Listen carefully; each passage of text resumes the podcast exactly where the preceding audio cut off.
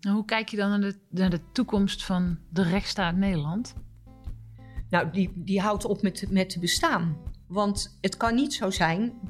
Kijk, een rechtsstaat is niet iets wat ook een beetje bestaat. Dus je kan niet, een beetje rechtsstaat bestaat niet. Of hij is voor iedereen, of het is geen rechtsstaat meer. Wat moet, dat moet en daarom is het goed. Dat zei mijn oma altijd en het is ook een beetje mijn lijfspreuk geworden, ook in mijn politieke bestaan. Nu heb ik voor mezelf al wel redelijk op een rijtje wat er allemaal zou moeten gebeuren in Nederland en waarom dat dan goed is. Maar ik ben ook heel benieuwd naar de ideeën van anderen. In deze podcast ontvang ik mensen die mij inspireren en praat ik met hen over de goede ideeën die zij hebben voor de samenleving. Ze komen bij me langs op mijn werkkamer in de Tweede Kamer. Een kamer met een rijke historie. Voor mij zaten hier namelijk Hans van Mierlo, Joop den Uyl, mijn vader Jan en tijdens de Tweede Wereldoorlog zelfs de Duitsers. Een kamer dus met heel veel ideeën, hele goede en hele slechte ideeën. In Daarom is het goed richt ik me op de goede ideeën. En in deze aflevering hoor ik van Carrie Jansen meer over haar ervaring in de sociaal advocatuur en over haar grote sociale hart. Carrie, welkom. Ja, leuk. In deze kamer was je al wel eens geweest? Nee, niet in deze kamer. Wel in de Tweede Kamer ben ik Ja. wel vaker geweest. Ja. ja, ja, een kamer met rijke historie dus. ja. Eh Carrie, ik weet nog heel goed dat toen ik nog thuis woonde bij mijn ouders op zaterdagmiddag, dan eh, werden er altijd verse broodjes gehaald en dan hadden we lunch en dan keek ik er helemaal uit, want het was zo lekker. En dan stond altijd spijkers met koppen aan. En daar luisterden wij dan naar tijdens het eten. Mijn vader, mijn moeder en ik. Ik ben enig kind. En dan hoorde ik daar iemand waarvan ik eigenlijk aanvankelijk geen beeld bij had. Want dat is natuurlijk immers de radio.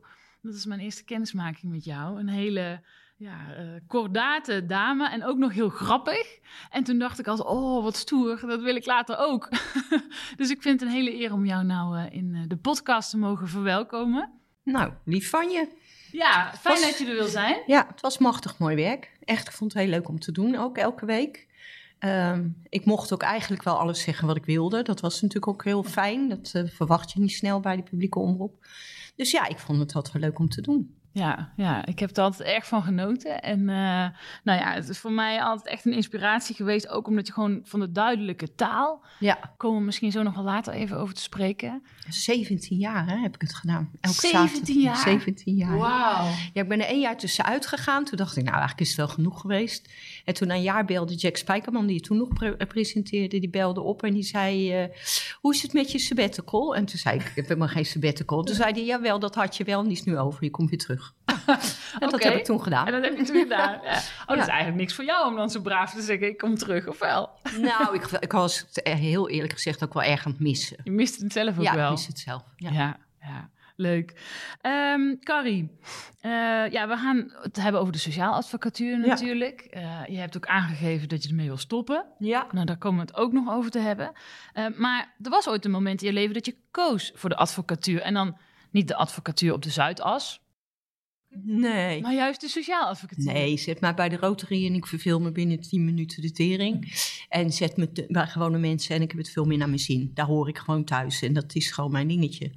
Ehm, ja, ik, ging me verve- ik zat alleen nog maar in Medialand. En op een gegeven moment toen zei uh, Cornel Maas, die schreef over mij... Carrie, dat beroepsbrutaaltje uit Rotterdam.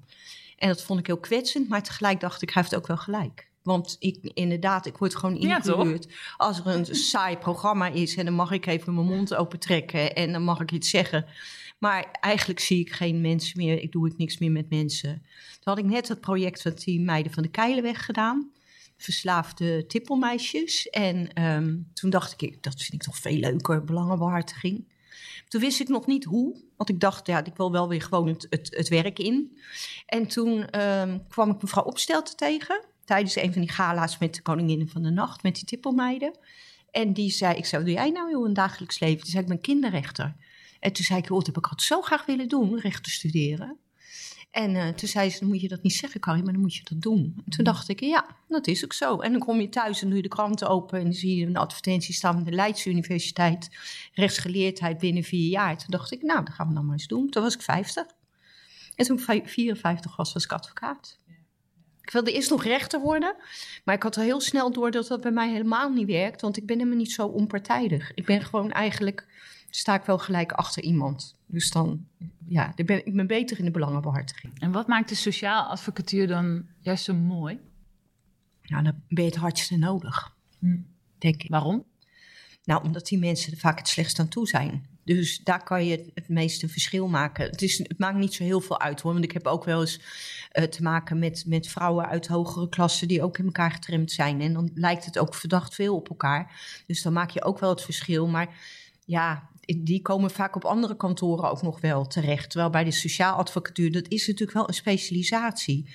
Je moet om kunnen gaan met mensen die Ehm, door uh, de geboorte of doordat ze zo erg in de ellende zitten, vaak geen enkel overzicht hebben over wat er in hun leven gebeurt. Hè, ik bedoel, als je uh, in schulden zit, dan uh, zakt je IQ met 11 punten. Nou, dat is niet zo erg als je al bij 130 begon. Maar als je op 70 begint en dan gaan 11 af, dan hou je niet zoveel over. Wat is nou het meeste wat je hebt zien veranderen in al die jaren sociaal advocatuur die je nou achter de rug hebt? Nou, heel um, primair dat is voor, voor mijn eigen omstandigheden, hè, mijn werkomstandigheden. Ik begon op een kamer uh, in mijn eentje, die ongeveer uh, twee derde was van de kamer waar we nu zitten. Dus een lekkere ruime kamer. Na vijf jaar zat ik met z'n tweeën en nu zitten we op deze ruimte met zes advocaten. Met zes? Ja. Dus je zit boven op elkaar. Het is heel hectisch. Iedereen belt en alles gebeurt. Het lijkt me heel druk. Het is heel, druk. Het is druk, ook. En, druk en onrustig. Dus dat moet je wel goed tegen kunnen. Het heeft ook een, een, bepaalde mate van gezelligheid. Weet je wel, intervisie vindt op de werkvloer plaats. Als iemand een rotbericht krijgt, dan kan je dat met elkaar delen. Dus dat is gewoon hoe het feitelijk is gaan. Dus in, qua inkomen zijn we enorm achter, achteruit gegaan eigenlijk. Hoeveel, als ik vraag mag? Nou ja, dat is niet precies duidelijk, omdat je natuurlijk dan ook weer andere zaken gaat doen. Maar ik geef wel het voorbeeld van een echtscheiding. Vroeger deed je een echtscheiding. En nu doe je een echtscheiding, ouderschapsplan, kinderalimentatie, partneralimentatie, een convenant, uh, de verdeling van de gemeenschap. Je bepaalt welk huwelijksvermogensrecht van toepassing is. Je krijgt tien uur betaald. En je zit je tien, doet uur. tien uur. Voor de je hele net opzomde. 20, 30 uur doe je erover. En pas na 30 uur heb je recht op meer uren. Maar dat wordt vaak afgewezen. Dus in feite werk je uiteindelijk voor 35 euro per uur. En als je omzet, dan moet je hele kantoor nog van betaald worden. Nou, daar zit, daar zit de pijn. En dit is ook in een notendop. Je hebt aangegeven dat je ermee wil gaan stoppen met, met pijn in je hart, begrijp ik. Ja, is maar dit de achtergrond? Nou, dat, dat, komt eigenlijk nog meer omdat ik vind dat ik um, mensen niet meer goed kan helpen. Want mensen die komen, wat ik al zei, weet je, ja, je bent ik, ik doe voornamelijk huiselijk geweld, kindermishandeling, seksueel misbruik. Dat zijn de zware onderwerpen. Dan is iemand echt wel in het putje. Voelt hij zich echt helemaal niks meer. Een zelfbeeld van nul. Want wat ben ik toch erg dat ik me heb laten slaan. En nou, weet je wel, dat mijn kinderen heb laten slaan. Dus dat, dat is gewoon heel erg. Dan wil je graag dat uh, je iemand goed kan doorverwijzen. Nou, dat kan niet meer, want de wachtlijsten die we vaak geen wachtlijsten noemen, maar beheerslijsten of instroomlijsten of wat dan ook. Nou, die, die zijn zo immens dat ik heb nu twee kinderen van negen jaar die allebei verschrikkelijke dingen hebben meegemaakt met hun ouders en enorme trauma's hebben opgebouwd. En die zijn in november 2018 aangemeld voor GGZ-hulp voor jongeren. En die staan nu op nummer 32 en 34 van de wachtlijst. Ja, en dan ben ik het op een gegeven moment zo zat dat je zelf ontzettend loopt te sappelen. Weet je wel, nou ja, dat heb je er nog wel voor over. Maar dat je eigenlijk mensen gewoon niks meer te bieden hebt. Ik, ik vind het wel, ik ben er heel somber over. Ik ben van nature nooit somber, hè? dus het is helemaal mijn ding niet. Ik ben een montertype. Ik spring altijd het bed uit. Voor het eerst ben ik echt dat ik denk, ja, flikker nou toch op, jongens. Ja, maar jij zult zien wat dat met die twee kinderen in dit geval doet. Nou ja, en wat je dan ziet, ik ben ook een, een krenterige huisvrouw, maar dan denk ik, als je nou die hulp meteen gegeven had in november 2018, dan zitten we niet met een van die kinderen die nu binnenkort uit huis geplaatst moet worden, omdat het thuis niet meer gaat. En, en een moeder die helemaal de kluts kwijt is, net lekker aan het werk was en het weer op heeft moeten geven omdat het niet te doen is. Denk ik, suffers, als je het nou goed regelt en je, je zorgt dat het allemaal lekker draait, moet je eens kijken wat je bezuinigt als samenleving. Ja, ook dat nog, hè? Ja, dus dat, ik, ik, ben een krenterige huisvrouw. Wat dat betreft denk ik, ik betaal veel belasting. vind ik prima. Maar dan wil ik ook graag dat er wat tegenover staat. Maar er worden natuurlijk zo vaak onder de noemer van bezuinigingen dingen Ja. kapot gemaakt, waardoor uiteindelijk misschien Alles de kosten nog wel veel hoger zijn Ja. dan wat er uiteindelijk bespaard wordt. Nou, even Ja. los van persoonlijke en menselijke leed. Want dat is natuurlijk wat jij dan elke dag tegenover je aan de tafel ziet. Ja. ja, en mensen gaan elkaar nog erger bestrijden. Het wordt nog heftiger. Ehm, terwijl ik denk, als het nou een beetje door zou werken en het zou een beetje lekker gaan, weet je, dan, dan had je die echtscheiding er zo doorheen. En na twee jaar praten ze wel weer met elkaar. Maar ja, dat, is- dat is een beetje hoe het gaat. Maar het lijkt me wel een heel moeilijk besluit voor jou om te nemen. Want als je het zo vertelt, is het eigenlijk heel begrijpelijk. En Ja. tegelijkertijd, Ja, het, het, je doet het zo met je voelde- hart. Ja, het voelde als eh, verlies. Want ik dacht, ik ben advocaat geworden. Ik, ik haal net de 11 jaar en dan is het klaar. Ik ben het niet voor niks geworden.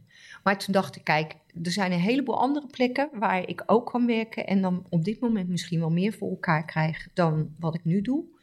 Ik ben als ik stop 66. Dat betekent dat ik dan nog wel een paar jaar wat leuks kan gaan doen. Als ik de plannen van de minister afwacht, die komen in 2024, dan ben ik intussen 70. Of ik dan nog de moed en de energie heb om iets heel nieuws te gaan doen. Dus ik dacht, het is ook wel een beetje het moment. Je wilt nog niet met pensioen. Ja, heel gek. Nee. Zo'n angstbeeld, een angstbeeld. Ja, waarom? Nou, vorige, eh, vorige, eh, vorige vakantie, toen waren we op maandag teruggekomen en ik hoefde woensdag pas te werken. Dus toen dacht ik, gaan we dinsdagmiddag voor, naar de film. Dat doe ik nooit. Ja, zo zitten- overdag naar de bioscoop. Overdag ja. naar de bioscoop, ik werk altijd. Ja. Dus, en dan zit het helemaal vol met van die grijze duiven. En die gaan op maandag naar het museum. En op dinsdag gaan ze gezellig naar de bioscoop. En op woensdag gaan ze naar een eetclubje. Nou, ik krijg het Spaans benauwd alleen bij het idee. Dus na die dag zat jouw eh, voorlopige pensioen er wel even op. Maar ik dacht, eh, dat is het allemaal niet voor mij. Nee, Ja, nee. Maar eh, het feit dat iemand inderdaad met jouw instelling en mentaliteit daar zo somber van wordt, dat geeft toch wel te denken. Wat, wat, ehm, wat is er nodig vanuit de politiek? Ja, weet je, het is zo'n zootje overal. Dat ik soms wel eens denk, waarom beginnen we niet gewoon op school? Waarom beginnen we niet gewoon met degene die nu geboren worden?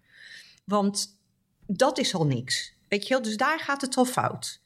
Dat kinderen geen, geen, geen onderwijs krijgen, en, eh, dat, dat er geen goede zorg is, dat er niet in de gaten gehouden wordt hoe het gaat met kinderen.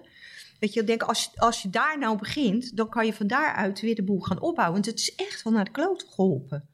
Weet je, bijvoorbeeld hè, bij een echtscheiding. Nou, dan heb je allerlei verschillende situaties. Papa kan de kinderen even niet zien nadat die mama in elkaar geslagen heeft. Dat is dan moeilijk.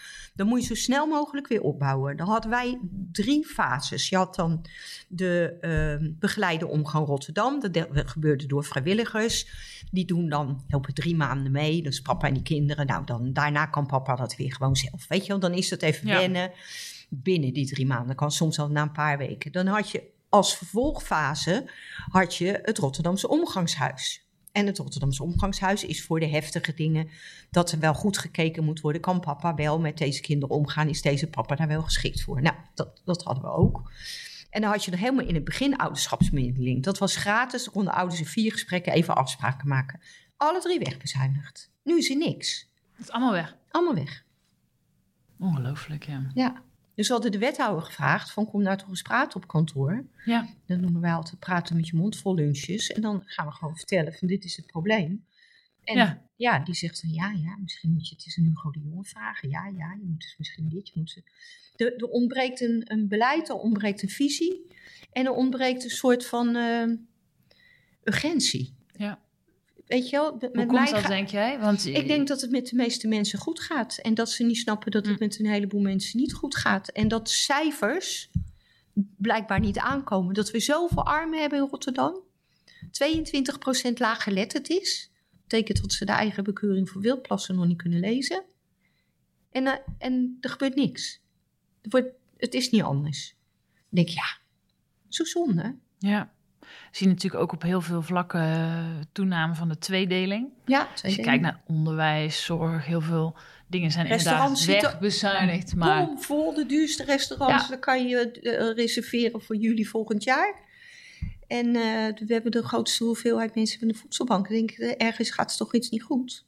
dan zie jij die tweedeling ook in jouw eigen vakgebied? Ja, dat zie je heel erg natuurlijk. Ja, Hoe? Nou ja, ja ik bedoel, wij, wij zien natuurlijk de arme kant van, uh, van uh, alle mensen. Maar er zijn natuurlijk ook advocaten die doen alleen maar uh, de, de rijkere zaken. Die doen, ja, en dat moet wel kunnen. Dat vind ik ook niet erg. Maar ik vind wel dat er ontkend wordt dat sociaal recht, dat dat, ja. um, dat je als je sociaal advocaat bent, ben je gewoon gespecialiseerd. Dan kan je dingen die zij niet kunnen. En die de rechtsbijstandsverzekeringen ook niet kunnen. Dus wat je gaat, gaat wat nu wordt uitgerookt, hè, want zo voelt het voor ons. Er komt geen geld bij en, en er komen alleen maar taken bij en specialisaties. En je moet je nog duurder uh, gaan laten opleiden. En uiteindelijk blijft nog maar de helft van de sociaal advocaten over. Ja, dat, dat voelt als uitroken. En dan denk ik uiteindelijk staat daar een hele groep die niet meer de weg naar het recht zal vinden. Nee, want dat is het natuurlijk. Dat denk ik als zelfs zulke bevlogen mensen zoals jij al ja, gewoon. Ja, het zijn kantoren die omvallen. Op, ons moeten houden. Ons grote advocatencollectief waar ik studentstage heb gelopen, heb ik nog op overwogen om daar te gaan zitten. Die, uh, we hadden veertien advocaten, nu nog zes. Zo hard gaat het. En iedereen, toen ik zei ik stopte mee, werd ik door heel veel collega's gedeeld die zeiden: Ja, ik uh, twijfel ook. Het is voor mij goedkoper om op de bank te gaan zitten dan met een bedrijf voor te zitten. Onvoorstelbaar. Ja, het is onvoorstelbaar. Ongelooflijk, ja. En Nederland is een rechtsstaat, maar als je dit zo beschouwt, vind je dan nog dat in Nederland iedereen zijn of haar recht kan halen? Nou, het wordt steeds moeilijker. Want er vallen natuurlijk ook allerlei dingen worden er langzamerhand uitgehaald. Hè? Dus het, het schrijnendste voorbeeld is de kinderopvangtoeslagen. Ja. Daar mochten wij van de sociaal advocatuur, kregen we geen uh, toevoegingen meer voor, geen vergoeding. Dus daar konden mensen niet bij staan. Als het ene, Want waarom zou je die niet krijgen? Die zijn eruit gehaald. Die, die mag je niet meer doen. En mag zo je is niet het, meer doen? Nee, dus kan je, je mag het wel doen, maar dan krijg je geen vergoeding meer van de overheid. Maar mensen hebben dat probleem toch? En ja. die wordt onrecht aangedaan, ja, dus maar die dat kloppen kunnen dan ze aan. zelf oplossen. Ja, ja. Lilian, dat kunnen ze allemaal zelf. Mensen Nou, zijn dat zelf. Nou, zeker bij de kinderopvangtoeslag met de Belastingdienst die uh, afpakdagen hadden. Hoe kijk je dan naar de, naar de toekomst van de rechtsstaat Nederland? Nou, die, die houdt op met, met te bestaan. Want het kan niet zo zijn. Kijk, een rechtsstaat is niet iets wat ook een beetje bestaat. Dus je kan niet, een beetje rechtsstaat bestaat niet. Of hij is voor iedereen, of het is geen rechtsstaat meer. En vorige deken, die, uh, meneer Rijlaarsdam, die zei uh, een keer heel mooi, die zei wat er met de, met de advocatuur is gebeurd, met de sociaal advocatuur, is um, de kaasschaafmethode. Op een gegeven moment hou je daar een plakje weg, hou je daar een plakje weg en op een gegeven moment is er geen kaas meer over. En dat is wat er gaat gebeuren. Maar dat is toch eigenlijk een hele treurige Ja, conclusie. ja is het ook. En ik, ik zie ook bij deze minister um, de absolute. Uh, het, het interesseert hem geen reet. Het, het interesseert hem niet. Hij heeft iets, hoe dan ook. Ik ga er geen stuiver meer aan uitgeven. Eigenlijk is altijd procederen alleen maar lastig. Waarom moeten mensen zo nodig hun recht halen? We kunnen het toch ook met mediation, alsof mediation niks kost. Alleen komt het onder een ander ministerie te vallen. Weet je, het is ook zo pragmatisch. En uiteindelijk is het natuurlijk VVD-ministelsel. Uh, zij kunnen zelf naar een advocaat, want ze hebben er geld genoeg voor. En voor mensen die het niet is, ja, jammer dan. En dan zijn we weer terug bij de tweedeling. Dan zijn we weer terug bij Die de we natuurlijk op tweedeling. zoveel terreinen Ja. zien. Hè? Ja. Dat is ook zo stuitend aan. Ja. Ja. eh, eh. Ehm, maar we gaan jou niet verliezen voor de sociale strijd, toch? Als ik het zo beluister. Nee, natuurlijk niet. Nee, absoluut niet. Nee, ik weet nog helemaal niet wat ik ga doen. Wat, Nee? eh, nee, dat Heb vind je je winkel nog, vroeg ik me af. Nee, Nee? nee, nee, Die heb ik al, denk ik, eh, oh, een jaar 10, 15 geleden Ah. verkocht aan mijn ex voor 1 euro. Hij heeft nog steeds niet betaald. Dus wij Oh. zeggen ook altijd tegen elkaar... wij- hebben in ieder geval nog een financiële relatie. Nee. Oh, ik zie hem heel vaak en ik woon erboven. Dus ik kom er heel vaak op al mijn kleren. Dus dat is helemaal goed. ja. Ja, maar die gaat ook stoppen aan het eind van het jaar waarschijnlijk. Dus Oh ja, ja. ja winkels hè, hebben natuurlijk ook zwaar. Ja, ja, ja, ja. Nou is onderdeel van deze podcast dat ik ehm, ook een SP-collega vraag om een idee te presenteren. En dan zou ik heel graag van jou horen wat jij van dat idee vindt. En deze aflevering is het Michiel van Nispen. In een rechtsstaat moeten mensen hun recht kunnen halen. Maar dat belangrijke grondrecht staat zwaar onder druk. Allereerst omdat de sociaal advocatuur wordt uitgeknepen. Al jarenlang wordt hier te weinig geld voor vrijgemaakt. Sociaal advocaten stoppen ermee. Rechtszoekenden zijn de dupe omdat ze geen rechtshulp meer kunnen vinden. Maar dat is niet de enige reden dat het voor mensen moeilijk is hun recht te halen. Het recht is voor veel mensen ook te ingewikkeld geworden. Het is te duur, voor veel mensen niet te betalen. En het is voor veel mensen ver weg. De SP vindt dat mensen in hun buurt terecht moeten kunnen bij een laagdrempelige voorziening, waar ze hun verhaal moeten kunnen vertellen en waar geluisterd wordt. Dit is een huis van het recht. Daar wordt beoordeeld wat het probleem is, wat voor hulp nodig is en dan wordt zo nodig doorverwezen. Er is samenwerking tussen het juridische en sociale domein, de gemeente is dus betrokken en er is aandacht voor multiproblematiek. En de rechter moet er ook echt uitspraken kunnen doen in dit huis van het recht. Hier staat de mens centraal. De mens met een verhaal, de mens met een probleem waar een oplossing voor nodig is. De SP vindt zo'n voorziening in de buurt voor iedereen eigenlijk heel logisch. Want iedereen heeft toch recht op recht. Wat vind je van het idee, Carrie? Zo'n huis van het recht? Ja, het is, het is een mooi idee. Het is de vraagwijzer. We hebben in Rotterdam hebben we dan de, de vraagwijzer met aan vast het wijkteam. En daar hoort ook een sociale raadslieden horen daar een klein beetje bij. En die zitten dan, dan ook allemaal. Um, maar het werkt niet. En um, ze zijn in Rotterdam ook bezig met het opzetten van wijkrechtspraak. Maar ik heb een beetje het gevoel dat dat dan alleen maar voor de arme sloebers is. Dus dat niet um, als er een directeur van Shell naar de rechtbank gaat, die mag dan nog steeds in het mooie grote gebouw.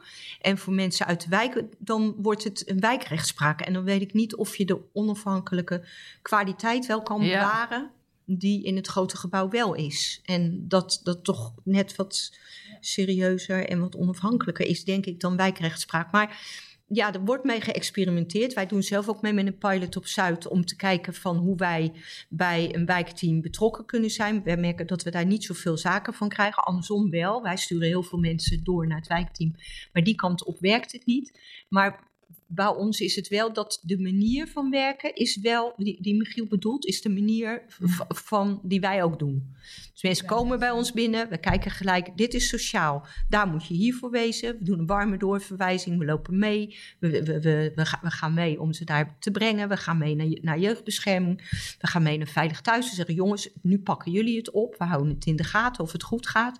Dus het, het gebeurt wel.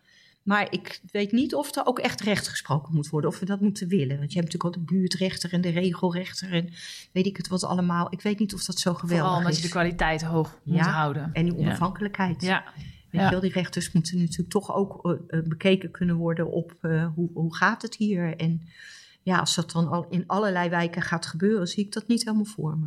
Ik zou graag nog even met je naar de taal willen. Want Ja. dat is ook iets waar jij eh, nou ja, hard voor hebt en hard Ja. voor maakt. Eh, je noemde net al even de problematiek van de laaggeletterdheid. Ja, Wat, want dat zul je in de praktijk zien. Ja. Wat betekent dat voor mensen als ze dus de taal eigenlijk onvoldoende beheersen?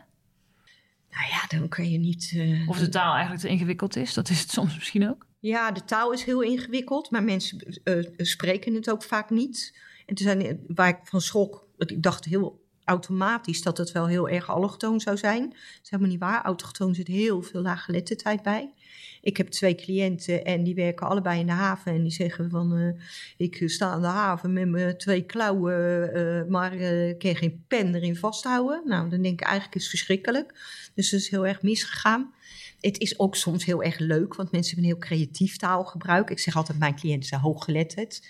Want die zeggen dan, ik slik depressieve medicijnen. En mijn dochter is zwak beschaafd. Ja. En mijn oma Ja. is aan het demonteren. Wat mooi! En mijn neef heeft Kosovo. En daar bedoelen ze toch echt Korsakov mee. Ik had vorige week een mevrouw, die kwam bij mij op het spreekuur. En die zei, ja, dat het zoontje was crimineel. Ze zei, ja, ik kan er niks aan doen, ik heb een lage accu. Accu. En toen dacht ik eerst al dat ze bedoelde dat hij sloom was, maar ze bedoelde toch echt U. Ja. Ja, maar ja, weet je, de wereld Ja. is gewoon ja, niet erom, toegankelijk. maar ja. Ja, dus de- bijvoorbeeld UWV en, en de sociale dienst, als je alleen maar digitaal aanvragen kan indienen, dan schuif je al een heel deel van de mensen gewoon opzij. Sorry schatje, je hoort er niet meer bij. Want die, die hebben geen computer en die durven er niet naar te kijken ook, weet je wel. Dus dat zijn dingen waarvan ik denk, denk nou even na. Je, als je een deel van je bevolking apart zet en zegt, je hoort, je mag niet meer meedoen, dan krijg je mensen die het reet zal roesten hoe het met de maatschappij gaat. En die gewelddadig worden of alleen naar zichzelf toe denken. Of zo apathisch dat, dat er daardoor weer heel veel schade ontstaat. Ik zeg altijd, ze zou iedereen erbij trekken, bijhouden. Ja. ja, in de politiek zien we dat natuurlijk ja, weliswaar een beetje andere manier ook. Dat ik stoor me daar hier ook zo aan dat eh, sommigen gewoon door hun taalgebruik eigenlijk al zoveel mensen uitsluiten. Omdat ik gewoon denk, of het is zo ingewikkeld, of het is zo omvloers, of ik bedoel, je kan met elkaar eens zijn of niet, prima. En je kan discussie hebben, prima. Maar ik vind praat gewoon duidelijk. Zorg gewoon dat in ieder geval iedereen enigszins kan begrijpen wat je bedoelt. Ja, ik zat een keer bij het Hof. Het waren de drie rechters, hè, zitten er dan. En er zat er een meneer, was niet mijn cliënt, maar de wederpartij. Maar die kreeg zijn dochter niet meer te zien. Was beter voor haar, vond ik ook. Maar die, zat, die had alles opgeschreven op zijn iPad. En die zat zo met zijn trillende handen. En zat hij die iPad voor te lezen. En toen zei de voorzitter van het Hof: uh, Meneer, het Hof heeft nu wel voldoende kennis genomen van uw kriedekeur. Toen zei ik, ja, flikker nou toch even op, joh. Iedere keer, ja. Ja, zo, kunnen we zeg, misschien zien, uh, of zeggen dat we zien dat meneer heel erg verdrietig is. En dat het ook heel logisch is dat ja. meneer heel erg verdrietig is. Vind ik zo schandalig. Dat heb ik daarna heel vaak in een interview verteld. En nou, proberen ze elke keer als ik tegenover ze zit, in ieder geval wat normaler te praten. Oh, goed. Kijk. Ja. Ja, ja. ja.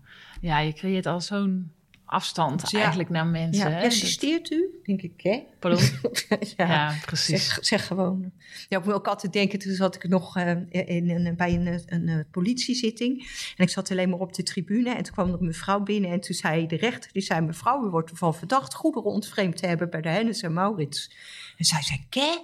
En toen zei de officier, je hebt gejat bij de H&M. Ja, was ook zo. Gaf ze gelijk toe. Geweldig. Maar dan denk ik, ja, zover ja. kan je dus van de mensen af gaan staan. Ja, ja, als systeem en overheid zegt dat wel, ja. Ja. Hey Karin, nou heb je nog een goed jaartje voor de Ja. boeg dus als sociaal advocaat. Ja, leuk hè? Ja, ik Daarna gaat de leuk. sociale strijd gelukkig verder, maar op een andere plek dus Ja. voor jou. Maar is er nou nog iets in dat jaartje wat je nog per se graag wilt doen? Of Nee. wat je zou niet. willen bereiken nog?